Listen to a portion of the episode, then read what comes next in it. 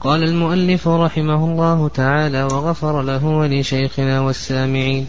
وإن قال المدعي ما لي بينة أعلمه الحاكم أن له اليمين على خصمه على صفة جوابه فإن سأل إحلافه أحلفه وخلى سبيله ولا يعتد بيمينه قبل مسألة المدعي وإنك لقضى عليه فيقول إن حلفت وإلا قضيت عليك فإن لم يحلف قضى عليه فإن حلف المنكر ثم أحضر المدعي بينته حكم بها ولم تكن اليمين مزيلة للحق فصل فيما تصح به الدعوى والبينة ولا تصح الدعاوى إلا محررة معلومة المدعى به إلا ما نصححه مجهولا كالوصية وعبد من عبيده مهرا ونحوه. وإن ادعى عقد نكاح أو بيع أو غيرهما فلا بد من ذكر شروطه. وإن ادعت امرأة نكاح رجل لطلب نفقة أو مهر أو نحوهما. سمعت دعواها فإن لم تدع سوى النكاح لم تقبل. وإن ادعى الإرث ذكر سببه. وتعتبر عدالة البينة ظاهرا وباطنا. ومن جهلت عدالته سأل, سأل عنه. وإن علم عدالته عمل بها. عمل وإن علم عدالته عمل بها. عمل عمل عمل بها. وإن جرح الخصم الشهود كلف البينة به. وأنظر له ثلاثا إن طلبه وللمدعي ملازمته فإن لم يأت ببينة حكم عليه. وإن جهل حال البينة طلب من المدعي تزكيتهم. ويكفي فيها عدلان يشهدان بعدالته. ولا يقبل في الترجمة والتزكية والجرح والتعريف والرسالة إلا قول عدلين ويحكم على الغائب إذا ثبت عليه الحق. وإن ادعى على حاضر في البلد غائب عن مجلس الحكم وأتى ببينة لم تسمع الدعوى ولا البينة. تقدم لنا شيء من أحكام القضاء ومن ذلك ما يتعلق بشروط القاضي وأنه يشترط في القاضي شروط. الشرط الأول أن يكون بالغا الثاني أن يكون عاقلا والشرط الثالث أن يكون ذكرا والشرط الرابع أن يكون حرا وكذلك أيضا أن يكون مسلما سميعا متكلما عدلا مجتهدا. إلى آخره. كذلك أيضا تقدم لنا ما يتعلق بالآداب التي ينبغي أن يكون عليها القاضي. وكذلك أيضا تقدم لنا هل يحكم القاضي بعلمه أو أنه لا يحكم بعلمه. وذكرنا في هذه المسألة تفصيلا. وكذلك أيضا تقدم لنا فيما إذا حضر إليه الخصمان فإن القاضي له حالتان. الحالة الأولى أن يبدأهما بأن يقول أيكما المدعي. والح أو نعم بأن يقول ما نعم أيكما المدعي. الحالة الثانية أن يسكت حتى يبدأه الخصمان إلى آخره. وتقدم لنا أنه إذا سمع الدعوى من المدعي فإن المدعى عليه لا يخلو من حالتين. الحالة الأولى أن يقر فإذا أقر حكم عليه.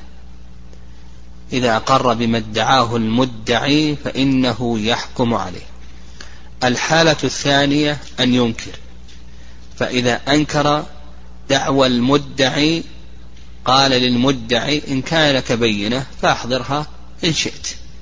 فإذا أحضر البينة سمعها القاضي تقدم أن المؤلف نعم يسمعها قال ويحرم عليه أن يرددها أو أن يعنتها ونحو ذلك.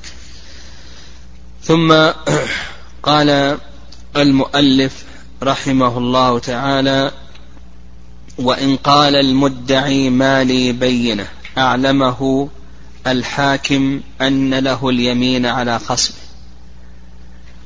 إذا أنكر المدعى عليه ما ادعاه المدعي فيقال للمدعي إن كان لك بينة فأحضرها إن أحضرها سمعها القاضي. إذا قال المدعي ما لي بينة.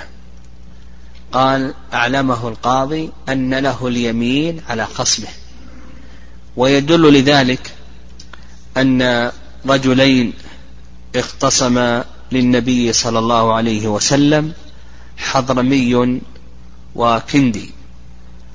فقال الحضرمي يا رسول الله هذا غلبني على أرض لي. فقال كندي هي أرضي وفي يدي وليس له فيها حق. هي أرضي وفي يدي وليس له فيها حق. فقال النبي صلى الله عليه وسلم للحضرمي ألك بينة. قال لا قال فلك يمينه هذا هو الشاهد. قال النبي صلى الله عليه وسلم للمدعي ألك بينة؟ قال لا. قال فلك يمينه. وهذا الحديث رواه مسلم في صحيحه من حديث وائل بن حجر رضي الله من حديث وائل بن حجر الحضرمي رضي الله تعالى عنه. قال على صفة جوابه. يعني تكون اليمين على صفة جواب المدعي. المدعي قال أقرضته ألف ريال. أعطنا البينة. ليس هناك بينة. وقد أنكر المدعى عليه. فنقول للمدعى عليه عليك اليمين على صفة جواب المدعي. وعلى هذا يقول والله ما أقرضني ألف ريال. هكذا. يكون على صفة جوابه يعني على جواب المدعي. فيقول والله ما أقرضني ألف ريال قال فإن سأل يعني المدعي سأل القاضي أن يحلف المدعى عليه. أحلفه وخلى سبيله. إذا حلف المدعى عليه يخلى سبيل. يخلى سبيله لأن الأصل براءة ذمته. ولا يعتد بيمينه قبل مسألة المدعي. نعم لا يعتد بيمينه قبل مسألة المدعي. يعني إذا كان المدعي ليس لا إذا كان المدعي ليس له بينة. يعلمه القاضي يعلم القاضي المدعي أن له اليمين على خصمه.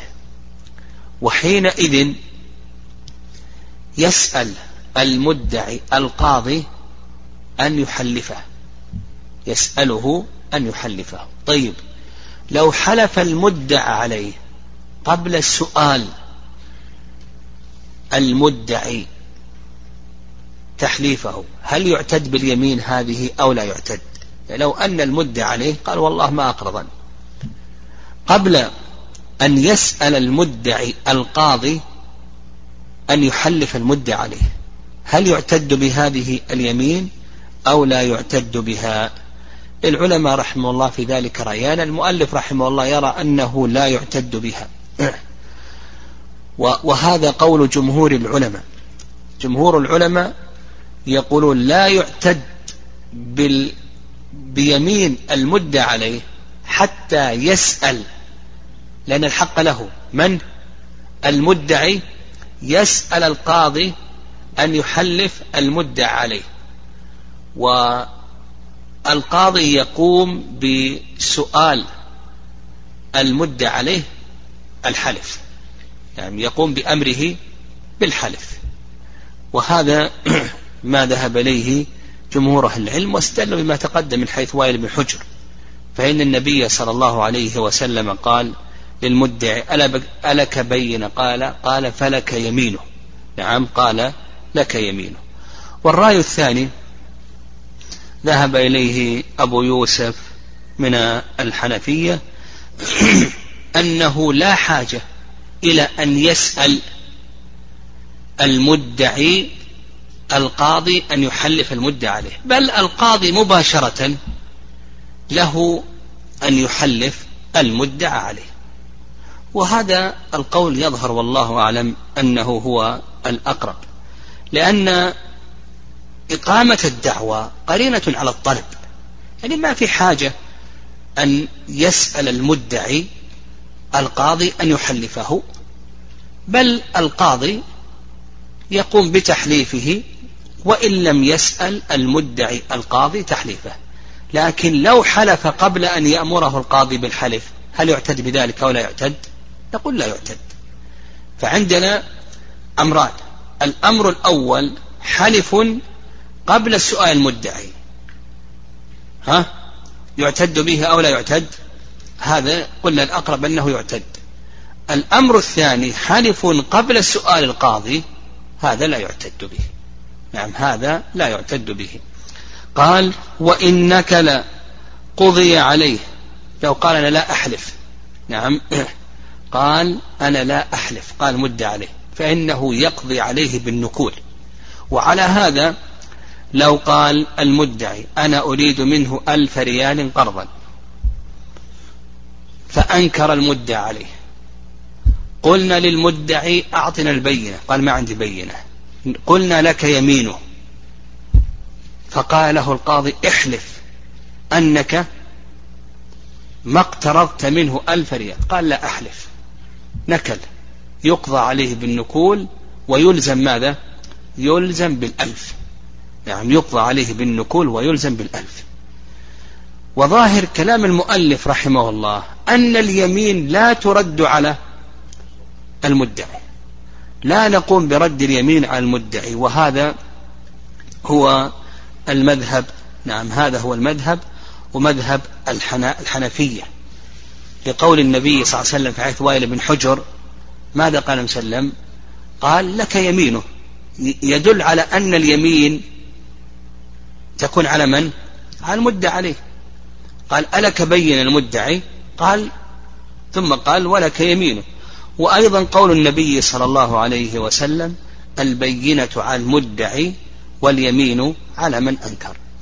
والرأي الثاني رأي المالكية والشافعية أن اليمين ترد على المدعي فإن حلف المدعي فإنه يستحق الدعوة وإن نكل ولم يحلف سقطت دعواه.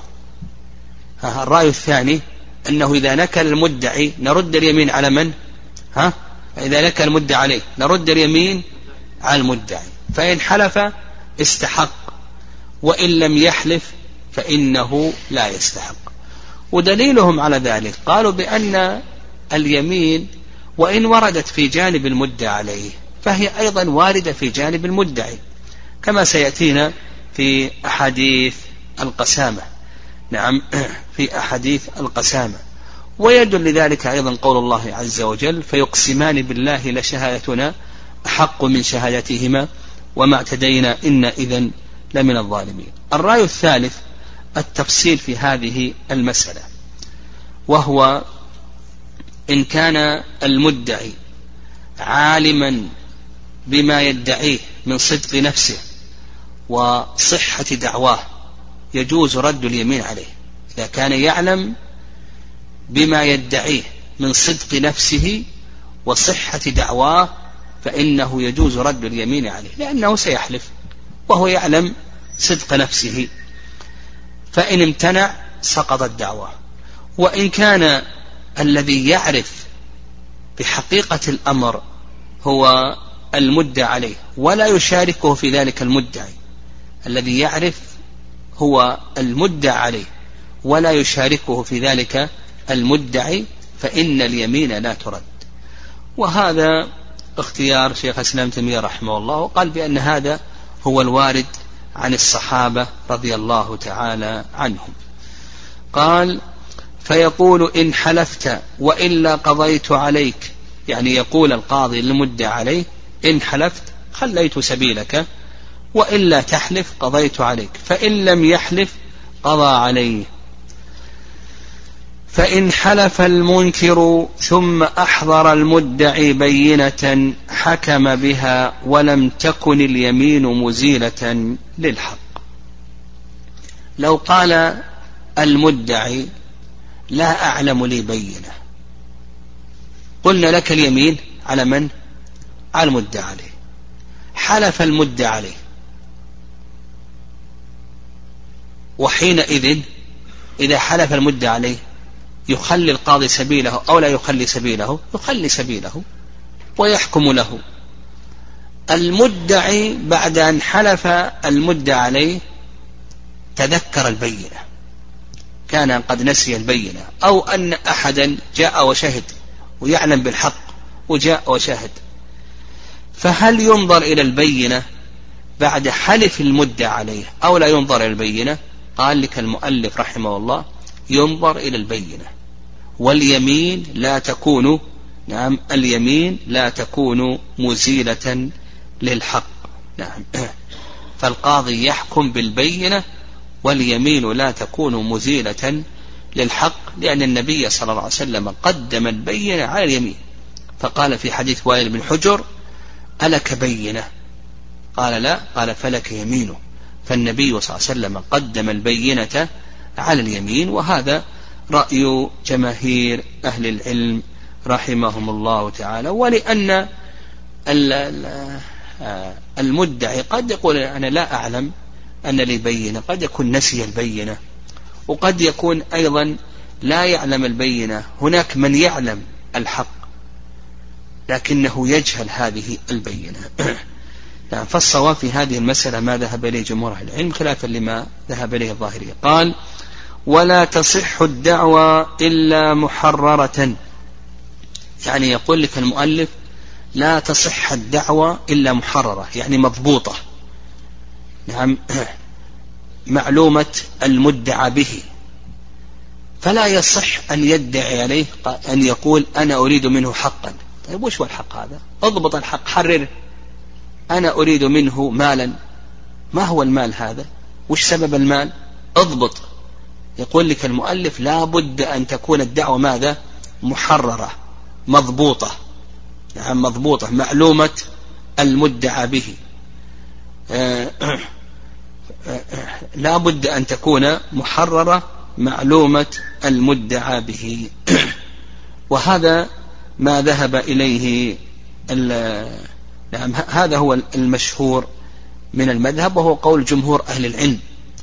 واستدلوا على ذلك بقول النبي صلى الله عليه وسلم إنما أقضي على نحو ما أسمع. فإذا كانت غير مضبوطة وغير معلومة المدعى به كيف يقضي القاضي؟ وقال أنا أريد منه أريد منه مالا. ما هو المال هذا؟ كم المال؟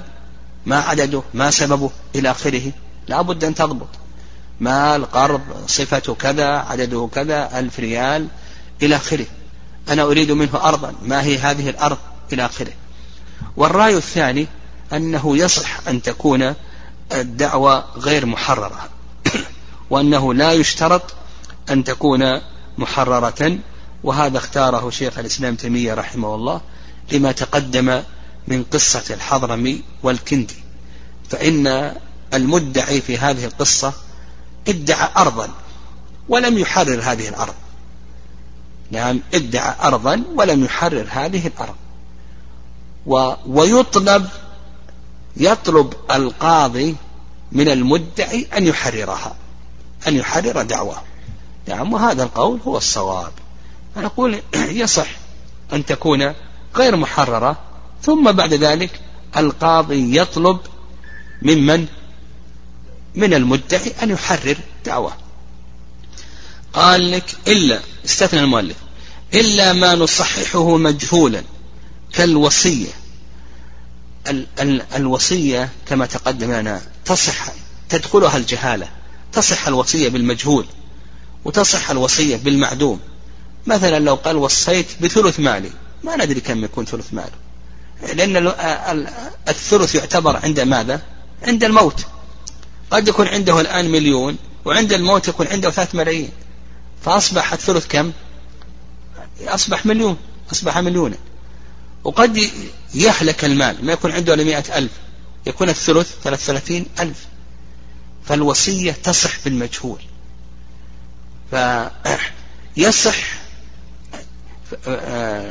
فالقاضي يسمع الوصية غير المحررة. لماذا؟ لأن الوصية تصح بأي شيء؟ بالمجهول.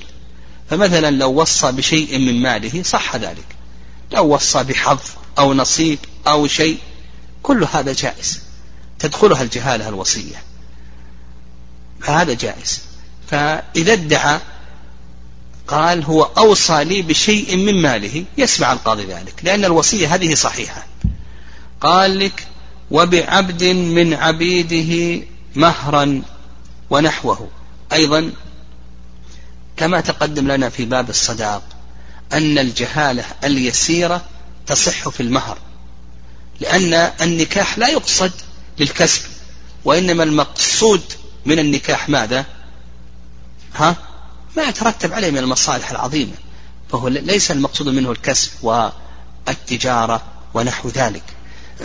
وعلى هذا لو أصدقها سيارة من سياراته أو ثوبا من ثيابه ونحو ذلك فإن هذا صحيح. وعلى هذا لو ادعت المرأة على زوجها أنه أصدقها سيارة من سياراته يصح ذلك أو لا يصح؟ يصح ذلك. لأن, لأن هذا الصداق صحيح الوصية بالمجهول صحيح صحيحة. جهالة اليسيرة في الصداق صحيحة. لأنه يصح أن يصدقها سيارة أو ثوبا من ثيابه أو سيارة من سياراته فإذا ادعت عند القاضي أنه اصدقها ثوبا من ثيابه فينظر القاضي في هذه وإن كانت غير محررة. ما قالت الثوب الذي صفته كذا وصفته كذا ونحو ذلك. قال رحمه الله وإن ادعى عقد نكاح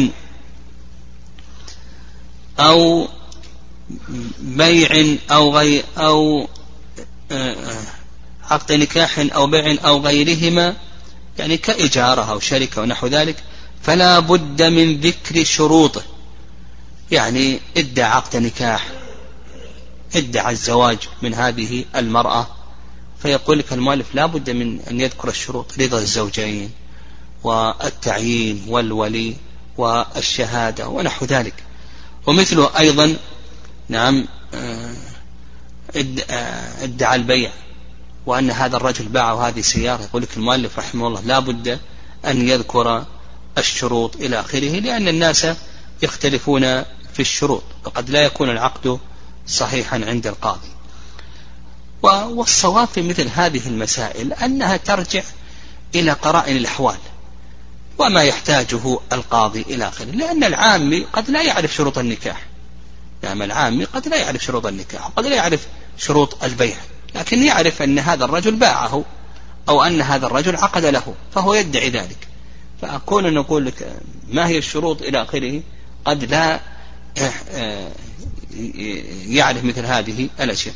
قال وإن ادعت امرأة نكاح رجل لطلب نفقة أو مهر أو مهر أو نحوه أو نحوهما سمعت دعواها. يعني إذا ادعت أنها تزوجت من هذا الرجل وهي وهي تطالبه بالمهر أو تطالبه بالنفقة. يقول لك المؤلف تسمع دعواها لأنها تدعي حقا لها تضيفه إلى سببه. تدعي حقا لها تضيفه إلى سببه. وإن لم تدعي سوى النكاح لم تقبل لأن النكاح حق للزوج. وعلى هذا إذا ادعت هذه المرأة أنها تزوجت من فلان فهذا لا يخلو من أمرين. الأمر الأول أن تدعي ذلك لطلب حق من حقوقها من مهر أو نفقة ونحو ذلك فهي تسمع دعواها. الأمر الثاني ألا تدعي إلا النكاح. يعني هي ما ادعت النكاح لأجل حق لأجل حق من حقوقها وإنما ادعت ماذا؟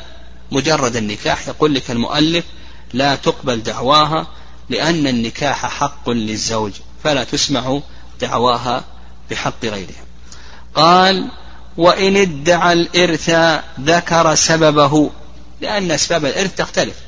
إذا ادعى أنه يرث من زيد طيب اذكر لنا سبب الإرث. أسباب الإرث ما هي؟ ثلاثة الزوجية والنكاح نعم النكاح والزوجية والولد. يعني آه، هل أنت آه، هل هل هناك سبب الزوجية؟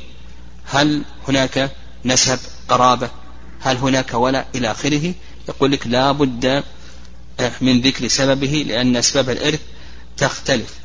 قال وتعتبر عدالة البينة ظاهرا وباطنا. تعتبر يعني تشترط. عدالة البينة. وهذا سيأتينا إن شاء الله في كتاب الشهادات. هذا سيأتينا إن شاء الله في كتاب الشهادات. وضابط العدالة سيأتينا إن شاء الله في كتاب الشهادات. قال ومن جهلت عدالته سأل عنه. البينة لا تخلو من ثلاث حالات. الحالة الأولى أن يعلم القاضي عدالتها. ها يحكم أو لا يحكم بها؟ ها؟ يحكم. تقدم لنا ذلك. ماذا؟ يحكم بعلمه صح. من المسائل التي يحكم فيها بعلمه فنقول الحالة الأولى أن يعلم عدالة البينة. يعرف زيدا وعمرا وأنهما من أهل العدالة المبرزين في العدالة. فلا حاجة إلى تزكية ويحكم بذلك. الحالة الثانية أن يعلم جرح البينة. ها؟ يردها أو لا يردها؟ نقول يردها وهذه من المسائل التي يحكم بها بعلمه كما تقدم. الحالة الثالثة أن يجهل حال البينة. لا يدري هؤلاء الذين جاءوا يشهدون هل هم عدول أو ليسوا عدولا وحينئذ نحتاج إلى ماذا؟ ها؟ نحتاج إلى التزكية. نعم يحتاج يسأل القاضي من يزكيهم. ولهذا قال ومن جهلت عدالته سأل عنه.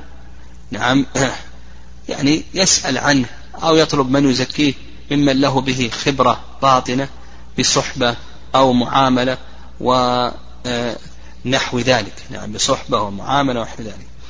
قال وإن عدم عدالته عمل بها ولا يحتاج إلى تزكية. كذلك أيضا إذا علم عدم العدالة وجرح البينة فإنه يعمل ب يعمل بعلمه ولا حاجة إلى التزكية. قال وإن جرح الخصم الشهود كلف البينة أي بالجرح. يعني لو أن الخصم جرح الشهود. نعم الخصم جرح الشهود. فيقول لك المؤلف رحمه الله كلف البينة. فتجتمع عندنا قد إن المدعي يأتي بالمزكين الذين يزكون البينة. والمدعى عليه يجرح البينة وأنهم ليسوا عدولا فأيهما تقدم؟ هل تقدم بينة الجرح أو تقدم بينة التعديل؟ العلماء رحمهم الله يقولون تقدم بينة الجرح على بينة التعديل. لأن بينة الجرح معها ماذا؟ زيادة علم لأن بينة الجرح معها زيادة علم بأمر باطن خفي على المعدل. فإذا جرح الخصم الشهود نقول أعطنا البينة. طيب آه. وأنظر له ثلاثة أيام إن طلبه. يعني إذا طلب نقول أعطنا البينة على أنهم ليسوا عدولا. لا بد أن تأتي بالبينة على أنهم ليسوا عدولا. فإذا طلب الإمهال فإننا نمهله كم؟ ثلاثة أيام. لأن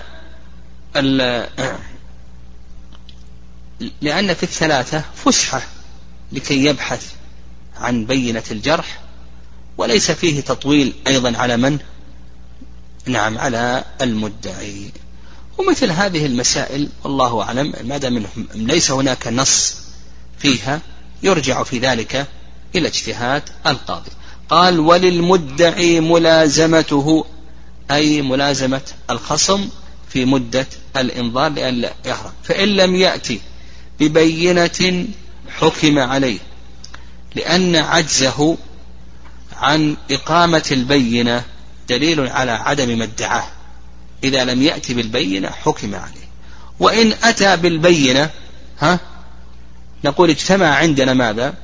بينة التعديل وبينة الجرح. اجتمع عندنا بينة التعديل وبينة الجرح فتقدم بينة الجرح. قال وإن جهل حال البينة طلب من المدعي تزكيتهم. كما تقدم أن القاضي بالنسبة للبينة لا يخلو من ثلاث حالات. الحالة الأولى نعم الحالة الأولى أن يعلم عدالتهم فيعمل بذلك. الحالة الثانية أن يعلم جرحهم فيعمل بذلك. الحالة الثالثة وهنا أتت أن يجهل حال البينة. نعم أن يجهل حال البينة. فيقول لك المؤلف رحمه الله يطلب من المدعي تزكيته تزكيته. ويكفي عدلان يشهدان بعدالته. نعم هل يشترط؟ التعدد أو نقول بأن التعدد ليس شرطا. المؤلف رحمه الله تعالى يقول في التزكية لا بد من التعدد. نعم.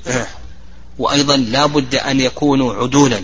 المزك المزكون لا بد أن يكونوا عدولا. وهذا قال عدلان يشهدان بتزكيته. والرأي الثاني نعم الرأي الثاني أنه يكفي واحد وهذا قال به أبو حنيفة رحمه الله نعم أنه يكفي واحد مزك واحد أن هذا كاف. وهذا القول هو الصواب. الصواب في ذلك أن كل آه، شاهد يكفي في تزكيته واحد. يعني هذا الصواب في هذه آه، المسألة. و ويدل لذلك أن النبي صلى الله عليه وسلم أمر زيد بن ثابت أن يتعلم كتاب اليهود. نعم. أن يتعلم كتاب اليهود وهذا في الترجمة. فكذلك أيضا في التزكية. يعني هذا في الترجمة كذلك أيضا في التزكية. ويدل لذلك أيضا أن النبي صلى الله عليه وسلم استعان بعبد الله ابن أريقط. في الدلالة. وكان ماهرا خريتا وهذا واحد. فيظهر والله أعلم أنه يكتفى بواحد. ومن, ومن أمثلة ذلك أيضا في القافة أن النبي صلى الله عليه وسلم آه، نعم اكتفى بقيافة مجزز المدلجي. نعم فكذلك أيضا في التزكية. قال ولا يقبل في الترجمة والتزكية والجرح والتعريف والرسالة يعني الترجمة تعبير من لغة إلى لغة أخرى والتزكية تزكية الشهود والجرح جرح الشهود والتعريف عند الحاكم تعريف بالمدعي والمدعى عليه قد يكون التعريف يكون التعريف لامرأة ونحو ذلك. والرسالة يعني من قاض إلى قاض كما سيأتينا في كتاب القاضي إلى القاضي. يقول لك المؤلف رحمه الله تعالى إلا قول عدلين. نعم إلا قول عدلين. وعند الحنفية والمالكية أنه يكتفى في الترجمة نعم يكتفى في الترجمة واحد. نعم أنه يكتفى في الترجمة واحد. الصحيح أن هذه المسائل أنه يكتفى فيها بواحد وتقدم الأدلة على ذلك. ذكرنا ما يتعلق بأمر النبي صلى الله عليه وسلم زيد بن ثابت أن يتعلم كتاب اليهود وأيضا ما يتعلق بالقيافة قصة مجزز المدلجي والنبي صلى الله عليه وسلم اكتفى بقيافته وكذلك أيضا قصة عبد الله بن أريقط إلى آخره. قال ويحكم على الغائب إذا ثبت عليه الحق وإن ادعى على حاضر بالبلد غائب عن مجلس الحكم وآتى ببينة لم تسمع الدعوى ولا البينة. يقول المؤلف رحمه الله يحكم على الغائب.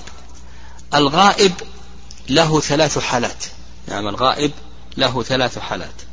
الحالة الأولى أن يكون غائبا عن مجلس الحكم حاضرا في البلد.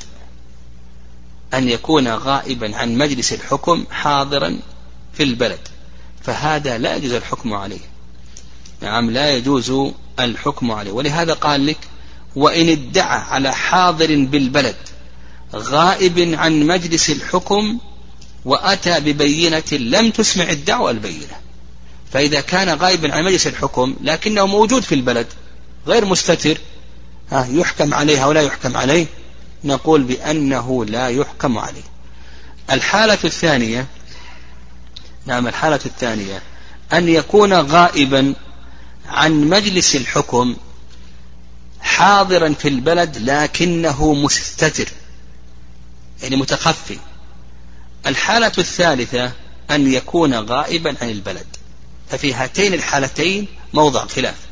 إذا كان غائبا عن البلد أو كان غائبا عن مجلس الحكم وهو في البلد لكنه مستتر مختفي.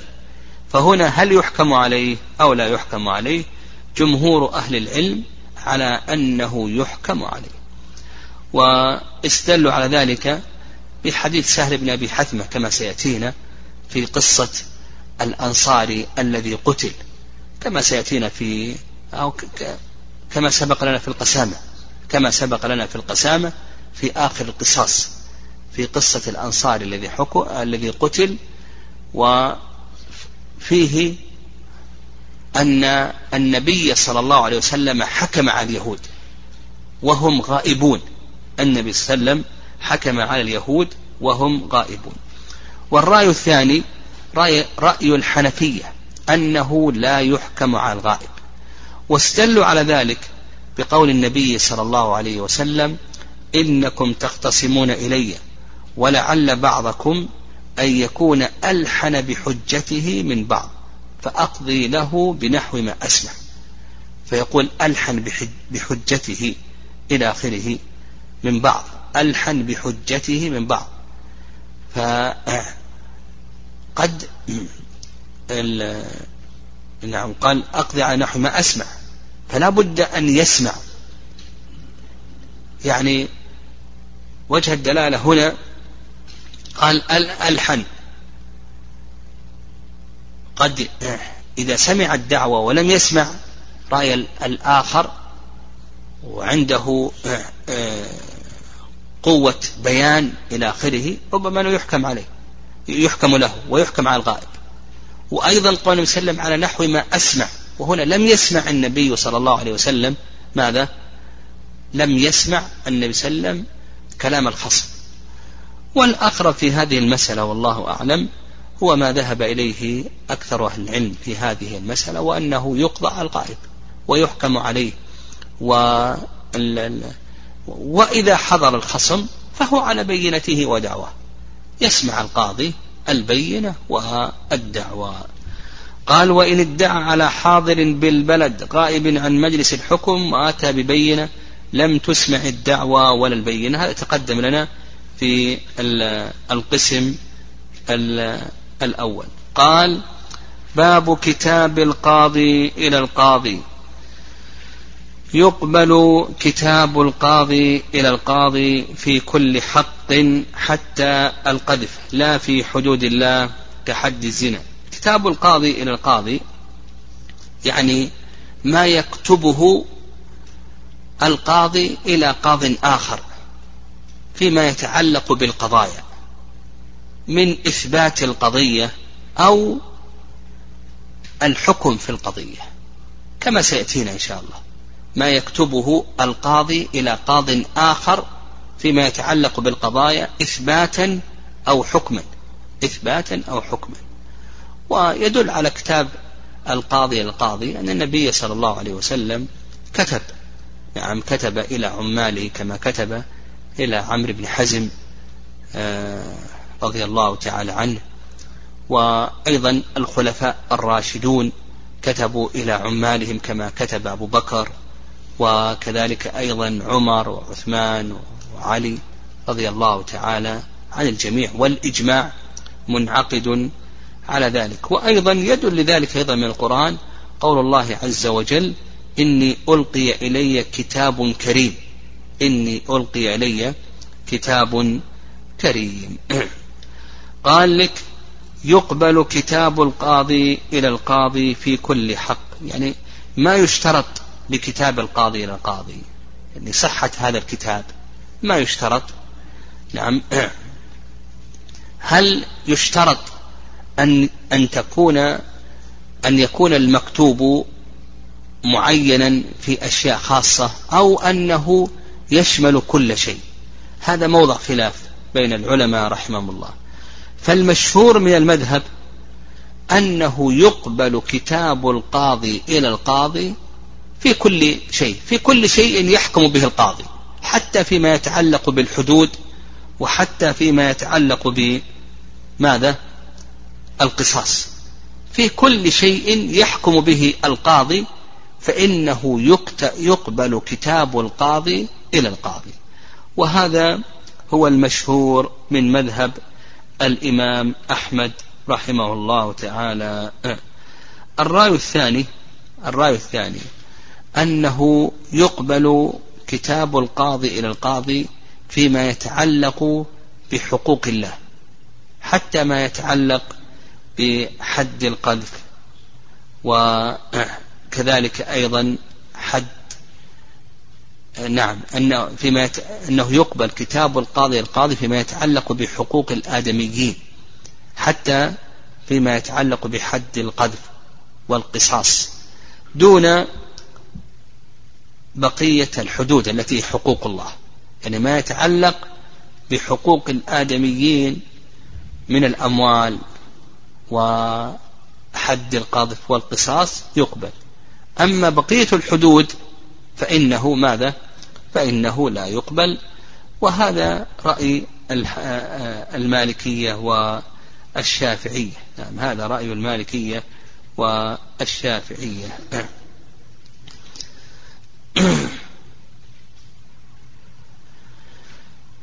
نعم هذا مذهب الشافعية. نعم هذا مذهب الشافعية.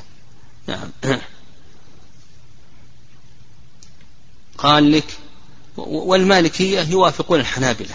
نعم المالكية نعم يوافقون الحنابلة. نعم.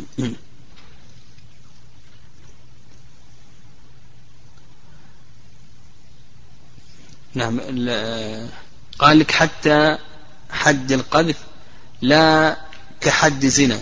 يعني آه هذا رواية عن أعيد الكلام. ال ال الشافعية يوافقون الحنابلة.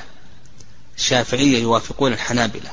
المذهب مذهب الشافعية أنه يقبل كتاب القاضي إلى القاضي فيما يتعلق بحقوق الآدميين حتى ما يتعلق بحد القذف. نعم حتى ما يتعلق بحد القذف والقصاص إلى آخره. أما ما يتعلق بحقوق الله من الحدود فإنه لا يقبل فيها كتاب القاضي إلى القاضي. هذا مذهب الشافعية والحنابلة. الرأي الثاني رأي المالكية وهو رواية عن عند الحنابلة أنه يقبل كتاب القاضي إلى القاضي في كل شيء حتى في الحدود وحتى في القصاص. وهذا اختيار شيخ الإسلام تيمية رحمه الله. ويدل لذلك أن النبي صلى الله عليه وسلم كتب إلى أهل خيبر في قتل عبد الله بن سهل. نعم كما في حيث القسامة. كتب إلى أهل خيبر في قتل عبد الله بن سهل رضي الله تعالى عنه. طيب ويعني الآن التنظيمات نعم تنظيمات القضاء ونحو ذلك حكمت مثل هذه الأشياء. لكن حين نبين كلام العلماء رحمهم الله. قال ويقبل فيما حكم به لينفذه. نعم. يعني بما يكتب القاضي القاضي قال لك الصورة الأولى ما حكم به القاضي لينفذه قاض آخر. يعني هو الآن حكم هنا في هذا البلد. وكتب إلى القاضي بمكة لكي ينفذ حكمه. نعم. قال لك وإن كان في بلد واحد حتى لو كان كل منهما في بلد واحد. قال لك ولا يقبل فيما ثبت عنده ليحكم به إلا أن يكون بينهم مسافة قصر. هذه الصورة الثانية. الصورة الثانية ما ثبت عنده ليحكم به. هنا الآن ثبت عنده لكن ما حكم. سمع البينات وثبت عنده الحق لكنه ما حكم. فيكتب للقاضي الآخر ماذا؟ أن يحكم به. أن يحكم. الصورة الأولى ماذا؟ حكم لكن ينفذ. الصورة الثانية ثبت لكن لم يحكم ويكتب للقاضي الآخر لكي يحكم. هذه المسألة اشترط فيها المؤلف أن يكون بينها مسافة قصر. أما الصورة الأولى لم يشترط المؤلف أن يكون بينها مسافة قصر قال حتى وإن كان في بلد واحد. يعني حتى وإن كان في بلد واحد. طيب. ومثل هذه الأشياء هو المؤلف رحمه الله ذكر صورتين وهناك صور أخرى. لكن مثل هذه الأشياء الآن تحكمها ماذا؟ تحكمها التنظيمات القضائية.